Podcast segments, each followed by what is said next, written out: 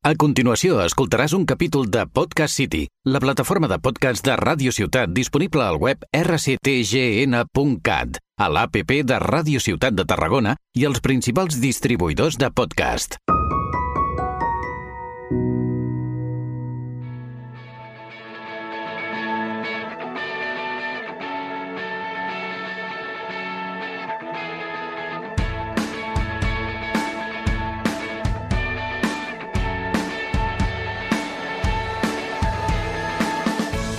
Benvingudes i benvinguts a un nou episodi de Maternitat i Criança Conscients. Avui el nostre tema és la comunicació. Molt bones, sóc l'Estela Prado, dona, mare i terapeuta maternal, ofici destinat a acompanyar la gestació, el part, la placenta, el postpart i la criança. I sóc la veu principal d'aquest podcast sobre maternitat i criança conscients. En aquesta estona m'agradaria parlar sobre com ens comuniquem amb les nostres filles i fills. I això inclou el model que tenen de comunicació, és a dir, com ens comuniquem no només amb elles i ells, sinó també amb les i els altres adults i infants. I també la presència que oferim quan estem amb els infants. Parlaré sobre la seva connexió, de com li expresso l'amor cap a ell, de l'anticipació, dels límits, de la confiança, dels instints, els signes i més. Vamos, començo. I és que quan tenim un nounat a la nostra vida, sembla que no s'adoni de gaire. En canvi, jo sento que és quan més connectats i receptius estan. Viuen en l'absoluta puresa. Per tant, estan oberts, no tenen cap filtre ni cap judici. Són essència. Que no ens enganyi el fet que no es comuniquen amb paraules ni amb la mirada – crec que tenen un coneixement intern que a mesura que adquireixen eines de desenvolupament em dóna la sensació que es van oblidant de tot aquest coneixement universal que tenen. És com que no aprenen, simplement recorden allò que ja saben, però que no saben com expressar. Però bé, això és el meu sentir. Així doncs, partint d'aquest que en néixer som tot natura, essència, el que sento que els hi va bé és parlar amb un to delicat, suau i amb tendresa. I no només en les paraules, també en la nostra mirada cap a ells, en la nostra manera com els agafem, en com els hi fem les coses, com els hi canviem, etc. Hi ha una cosa que em passa quan li parlo al meu fill, i és que, disculpeu, eh, he intentat parlar-li amb una veu normal, i no me'n surto i uh, així ho deixo. Hi ha quelcom dins meu que ja m'agrada. Li parlo amb una veueta així petita, aguda, i, uh, i això, això és el que m'agrada, perquè és una cosa dolça. Però bé, el que sí que vaig canviar ràpidament va ser quan li parlava en tercera persona. És a dir, quan va néixer, els primers moments li deia «La mama, ara et canviarà el bolquer», en comptes de «Ara et canviaré el bolquer». I aquí sí que hi vaig posar mirada per parlar-li en primera persona, perquè m'agrada més. També em surt simplement estar amb ell. A vegades, mirant-nos els ulls sense paraules ni res. O el toco, ens toquem, i no li dic res. I és que jo aprecio el silenci. Així que em transmeto, de, em transmeto des del silenci, apreciant altres parts de la vida més enllà del que escoltem. I tornant a les paraules, miro de dir-li cada dia que l'estimo molt, que m'agrada que formi part de la meva vida, que m'agrada que sigui el meu fill, que m'agrada com és, que és un nadó molt desitjat, que té molta gent que se l'estima, a més de jo i el papa. Sento important expressar l'amor en paraules, a més de deixar el cos d'expressar-se també en forma, per exemple, de llàgrimes d'emoció o d'un canvi en la respiració o qualsevol forma en què s'expressi.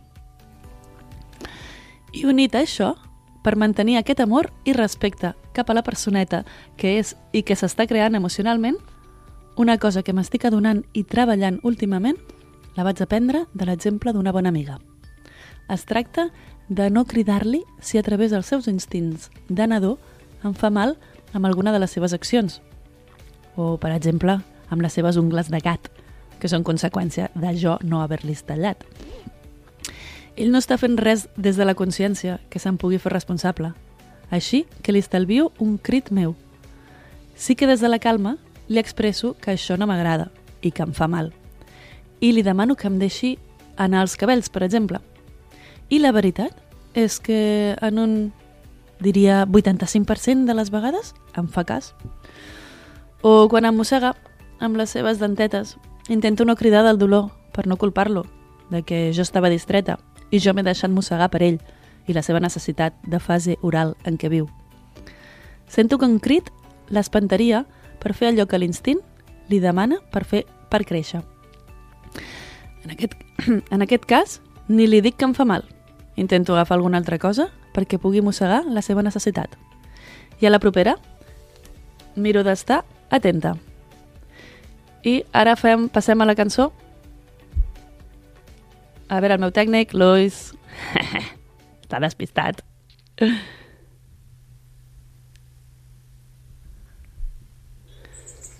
Vamos, vamos.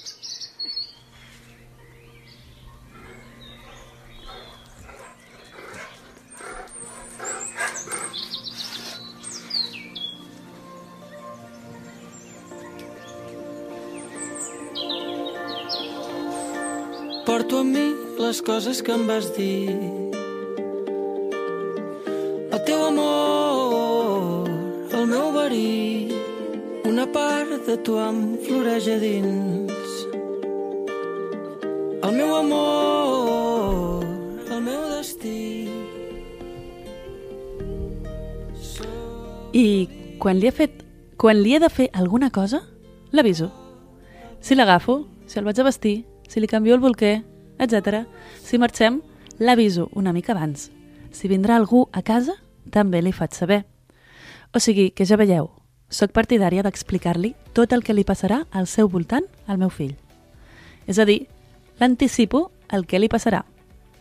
Sento que és un costum bonic i respectuós cap a ell.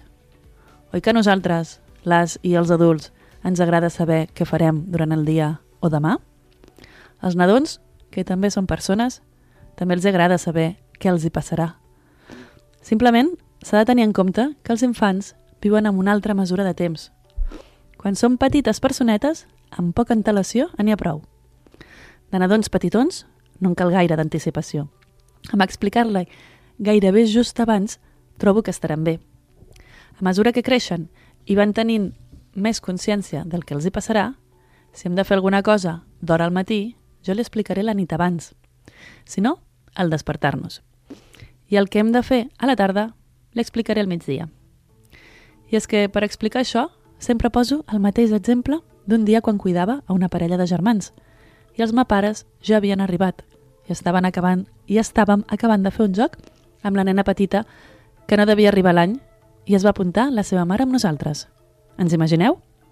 Les tres, en rotllana, assegudes a terra gaudint del joc. I de cop, sense avisar, el pare aixeca la nena per darrere agafant-la per portar-la a la dutxa i la nena automàticament esclata a plorar. I és que des de la seva perspectiva, ella estava super a gust i no s'esperava acabar en aquell precís i preciós moment el joc que feia amb mi i la seva mare. El pare, en veure la seva reacció i la nostra, la de la seva mare i la meva, va tornar la nena a terra on era i ella va tornar a somriure amb aquesta facilitat dels infants de plorar i riure en quasi el mateix segon. Aleshores, li vam explicar que estaríem dos minuts més jugant i després ella aniria a banyar-se amb el seu pare.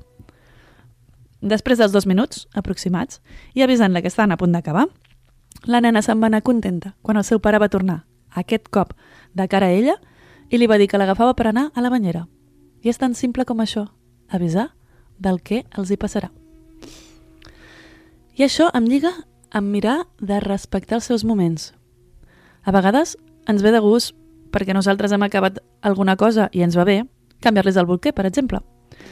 Però per la personeta que porta el bolquer potser no és el millor moment. Potser està concentrat en algun joc, encara que, que sigui mossegar alguna andròmina o està observant alguna cosa molt detingudament. O si és més gran, està fent una construcció, un tren trencaclosques o qualsevol situació que millor no destorbar. I doncs, trobo important que ens comuniquem molt amb els petits i que partim de l'observació i l'escolta.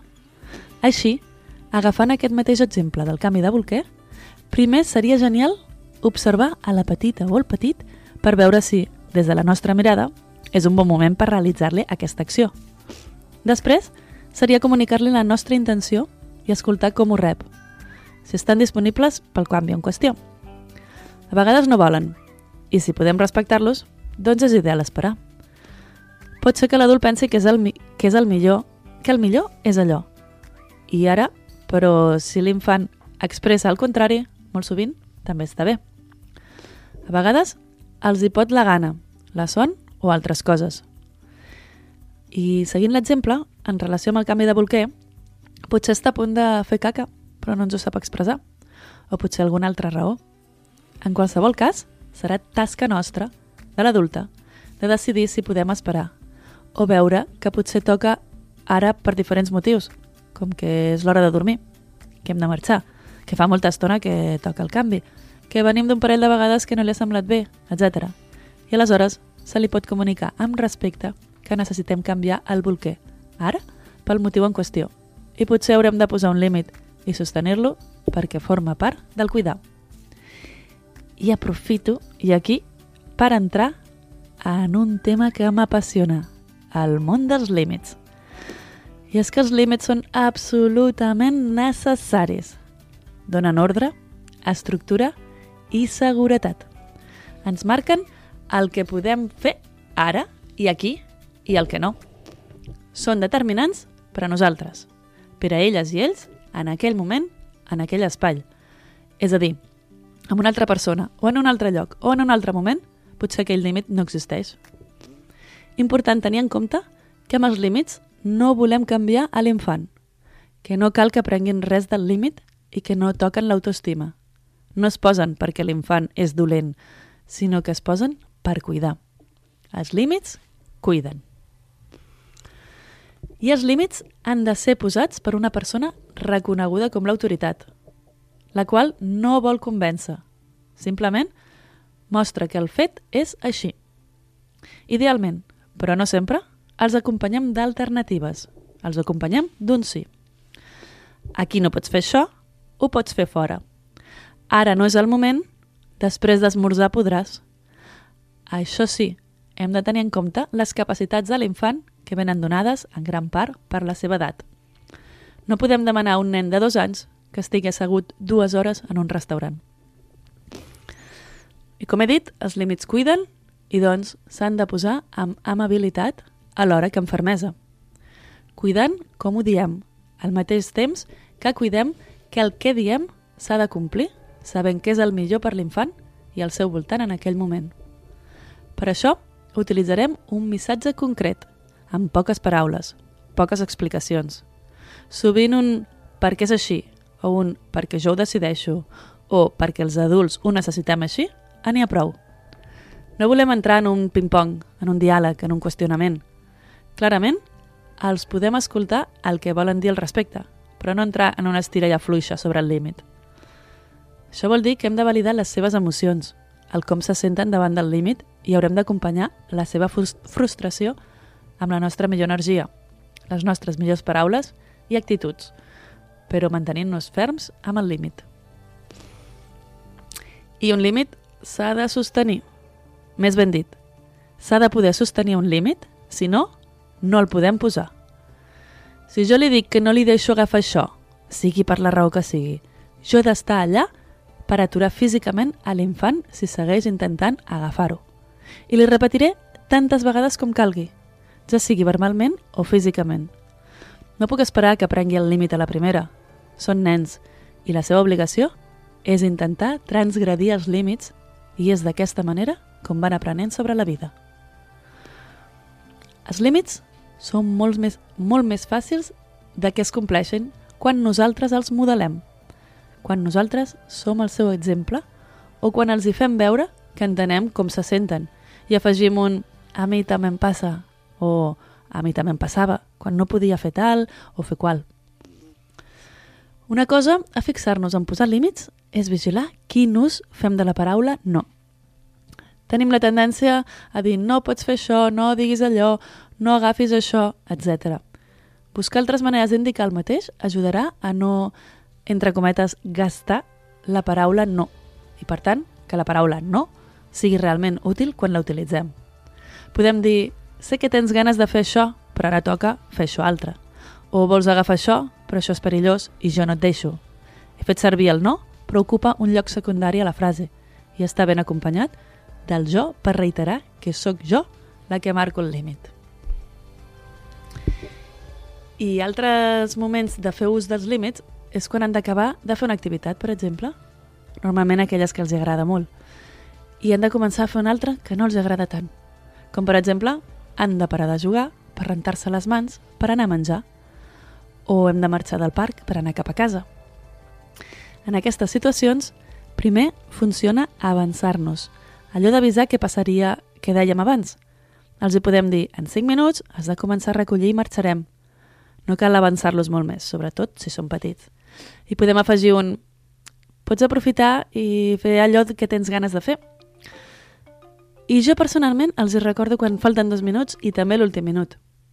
De fet, aquesta fita, per aquesta fita, els rellotges de sorra van molt bé per marcar els límits de temps. És una cosa visual, tangible. Quan s'acabi el rellotge de sorra, dels dos minuts anirem a rentar-nos les dents. I sostenim el límit, Potser hem de demanar que aturi l'activitat que està fent perquè el temps s'ha acabat. Li podem recordar que li hem dit que li quedaven X minuts i que s'han acabat. Potser si l'infant no s'atura, hem de fer alguna cosa nosaltres per aturar-lo. Com preguntar, vols recollir sol? Sola? O vols, ajud o vols que t'ajudi a recollir? També el podem encoratjar dient que si comença aviat a fer la següent tasca, ja tindrem més temps per fer alguna altra, com per exemple, si comença a recollir, podrem estar més estona a la banyera. Sobretot, és important que nosaltres estiguem bé, per poder cuidar posant límits, que tinguem paciència i capacitat de sostenir. Si no estem en aquesta situació, millor demanem ajuda a alguna altra persona o serà millor utilitzar altres tècniques com ara la distracció o el joc per transformar la situació. Però els límits són necessaris per formar-se com a persona, ja que la vida està plena de limitacions i hem de saber viure-les.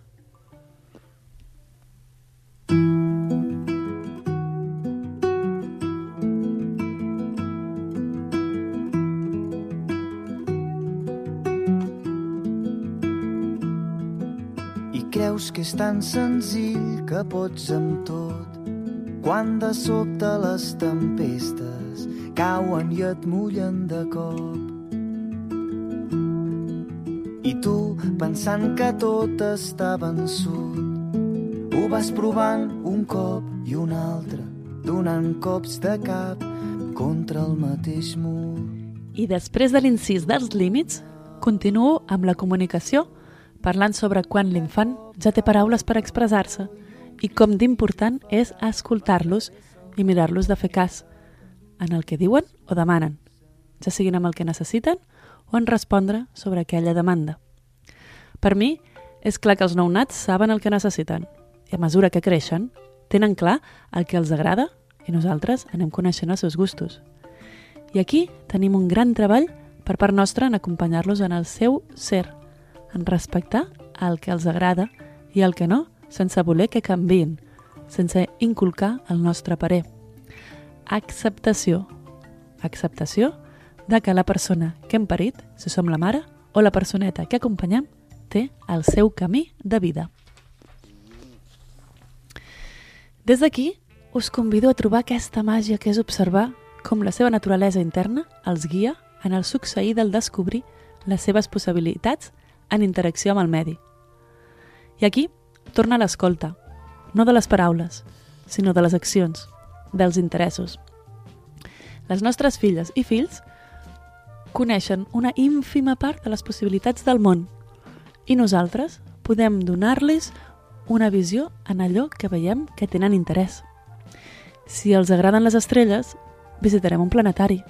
Si els agraden els peixos, un aquari o una botiga d'animals hagi varietat de peixos, o els aportem llibres, o li oferim la possibilitat de parlar amb algun biòleg marí Cada opció, està clar, dependrà de l'edat del cada infant. Sovint no ens demanaran elles mateixes que volen saber més. Sovint haurem de ser nosaltres que hem de veure'ls, observar els seus interessos per expandir el seu coneixement. Jo, per exemple, de petita, sempre estava grimpant els arbres o a tot arreu on pogués. Amb sis anys feia la roda i el pie a la paret. Doncs hagués estat molt encertat i m'hagués encantat que em portessin a fer gimnàstica rítmica o acrobàtica. Però no va ser així. Per diverses raons, la vida em va portar per altres camins. Però encara gaudeixo i em somio veient els acròbates en plena acció. I aquí subratllo la importància de que siguin els interessos de la personeta i no els nostres, els dels mapares, alhora que sento que és molt interessant oferir recursos que no ens han demanat, com l'aprenentatge de tocar un instrument o la pràctica d'un esport, fins que els hi deixa d'interessar, si és el cas i sostenint les diferències que els fan únics. Pot ser interessant animar, però amb un equilibri amb els seus interessos, ja que trobo super important que cada persona pugui triar el seu camí. Fita que és més fàcil que aconsegueixin si, el, si els convidem a triar des de ben petits i acceptem, subratllo, acceptem la seva decisió. I així aquí obro un altre ventall per la comunicació des de que són petits. A mi m'agrada des de nadons, donar-los a triar, per exemple, quin pantaló volen portar, o quina samarreta, o quins mitjons. No els hi dono tot l'armari a triar, eh? no us penseu. Els hi dono dues opcions, aquelles que són adequades pel clima i l'activitat a fer. De nadons no sempre ho faig, però per poc a poc sí que li ofereixo les opcions per donar espai a que prengui decisions. I de més grans, l'oportunitat de triar què mengen, pasta o arròs, carbassó o bolets, eh, això va creant una base per la seva seguretat de l'acció del futur. Una base del que volem i el que no, del que volen i el que no, d'assumir el que han triat i les seves conseqüències. I és que la infància és un joc que ens prepara per la vida adulta, a base de provar, caure, equivocar-nos i encerts, sempre sostingudes i sostinguts. Sostingudes idealment i en la major mesura que sigui possible per alguna persona que ens escolta, ens respecta en el nostre ser. Bé, de totes aquestes pràctiques, per la seva autonomia, en puc parlar en un altre podcast, perquè és un tema que dona per molt. I comentar també sobre la confiança que els hi oferim. Quan els hi diem que ara tornem o que després li donarem o que ara em poso a jugar amb ella o amb ell, fem-ho. No s'hi vol marxar a la cuina i que quan, tor quan tornem, com que ja està entretinguda o entretingut, ja no li oferim jugar amb ella o amb ell, com li havíem dit. Si és el cas, que està entretingut, li podem dir havíem dit de jugar, però et veig molt entretinguda. Què vols fer? I que siguin els infants que puguin decidir. I nosaltres els hi mostrem la confiança de que el que diem és el que fem. I si ho canviem, doncs també li diem havíem dit de fer això, però ara necessito fer això altre, etc. No obviar-ho, perquè són petits i no s'enteren.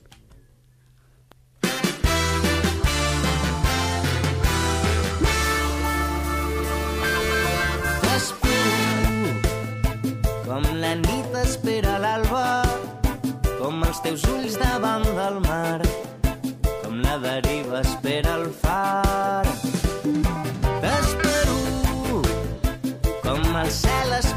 Els arbres, com el demà espera el desgel, meu desig, el teu estel. Caminaré per tu. I avui faig un podcast on el fil conductor és la comunicació. I un detall que m'agrada a l'hora de parlar amb les petites i els petits, sobretot quan ja caminen, és posar-me a la seva alçada per tenir un diàleg. Trobo que d'aquesta manera les nostres paraules, les de les adultes com la, i les de les, la dels infants, arriben més profundes. I mentre no tenen paraules, com es poden comunicar els nadons? Amb el plor, la queixa i els riures estareu pensant, oi? I tant, això des de ben petits. Però admetreu que en moments ens perdem amb el que volen dir aquests plors i aquestes queixes, oi? Doncs que sapigueu que sobre els sis mesos, si volem abans, es poden començar a utilitzar els signes. Sí, sí, com la llengua dels signes de les persones mudes. De fet, eh, es pot utilitzar l'alfabet oficial de la llengua de signes o ens els podem inventar. I això donarà peu a que sobre l'any, una mica abans, una mica després, els infants ens puguin fer les seves demandes o explicar com se senten a través dels signes, anticipant-se a la comunicació verbal que no arribarà fins més endavant. Es pot començar amb uns pocs signes o amb tots els que vulgueu. Ja ho sabem, els nadons som unes esponges. Segurament elles i ells començaran amb algun signe bàsic, com pot ser teta o bibe o aigua, o algun aliment en concret que li agradi d'allò més. Però no hi ha res escrit. Cada nadó és un món. I no, no entorpirà amb l'aprenentatge de la llengua parlada. Més aviat, els estudis diuen el contrari. Sembla ser que afavoreix el desenvolupament del llenguatge parlat i de les intel·ligències múltiples. Ah, una altra cosa que, que us vull comentar és el de donar-los temps al despertar. Com qualsevol altra persona, necessiten temps, o no. Però si són d'aquests que necessiten temps per començar el dia, els hi podem parlar amb la calma, fer-les petonets, dir-los boniques paraules, posar-nos a fer el ronso amb ells, si tenim la disponibilitat del temps, fins que el seu cos està més actiu. I bé, ja per anar acabant, us vull comentar algunes expressions que jo he anat canviant com em semblen jo he anat canviant que em semblen interessants de canviar. La primera és el molt bé. Aquest molt bé l'acostumem a sentir molt cap als infants. Eh, I és que, com molt sovint dic, si no ho faries o diries a un adult, tampoc a un infant. I és que no anem per la vida dient molt bé, has conduït molt bé, o has cuinat molt bé, o fins i tot tu has menjat tot molt bé a les adultes que, i adults que del nostre entorn, oi que no? Doncs tampoc cal dir-li a un infant. I el motiu important és perquè trobo interessant que els infants conreïn la seva autovaloració i que no sigui la valoració de l'altra persona la que sempre estiguin esperant. I és que poden agafar el costum d'esperar la valoració externa i fer les coses perquè a l'altra persona li agrada. I el que trobo interessant és que siguin ells mateixos els qui s'autovalorin. Que siguin ells qui van determinant els seus gustos per ser un adult segur i que no necessiten la valoració de l'altra persona. I aleshores què dir? Doncs a vegades un ahà o un ho veig o un has aconseguit arribar fins aquí has acabat el menjar? T'ha agradat? O ho has fet tu? O també podem utilitzar el a mi m'ha agradat molt com ho has fet. Tot i que aquesta última sense posar. I potser en un moment que necessitin encoratjar-se amb alguna altra cosa, amb alguna cosa o prendre confiança amb elles ells mateixos. Molt sovint no cal ni paraules. No ens estan demanant la nostra aprovació. I quan ens la demanen directament, jo molt sovint els hi torno la pregunta a ells. I tu? Què en penses? T'agrada? Si, per exemple, em pregunten si m'agrada el dibuix. I si insisteixen en si m'agrada, després de que ells hagin donat la seva opinió, els hi diré el que a mi em sembla. A mi, ta, ta, ta. Fins i tot, si hi ha crítica, també amablement els hi diré. I un altre canvi, aquest és ben recent, i crec que amb això aniré acabant, perquè si no començaré a fer una telenovela aquí, i no és el plan, doncs és el que jo no et deixo. En comptes de, no pots. Perquè, a excepció de tocar el foc o avançar davant d'una caiguda greu, per exemple, sí que poden fer moltes coses, però sóc jo la que no li deixo tocar aquell paper quan està en fase oral, perquè sé que se'l menjarà. O agafar un ganivet quan no sap manegar-lo amb seguretat. O agafar un plat quan sé que el tirarà. I així les criatures deixen de sentir massa sovint un seguit de no pots, que pot quedar profundament gravat i després l'adult en què es convertirà tindrà la sensació de que no pot, quan simplement és allò que ha sentit de petit i petita. I quan jo com a mare o persona cuidadora dic no et deixo, m'estic col·locant on em toca. Em dóna la força del cuidar i del decidir i l'infant rep un límit des de l'autoritat respectuosa i cuidadora. Bé, ara sí, per acabar i a moda de resum, diria comuniquem-nos amb els més petits i petites amb estima, carinyo, tranquil·litat i respecte, com si ho féssim amb un altre adult, simplement adequant-nos a les seves capacitats. I bé, ja sabeu, qualsevol dubte, consulta o comentari el podeu fer a través del meu Instagram, terapeuta maternal. I com a cada capítol, només em queda super agrair a les nostres famílies que fan, a la meva família, que fa possible que estigui aquí, al Lluís Blaín, tècnic del so, de so del podcast City i a la Ràdio Ciutat Tarragona i també a vosaltres que m'escolteu. I sense més, salut i bona criança.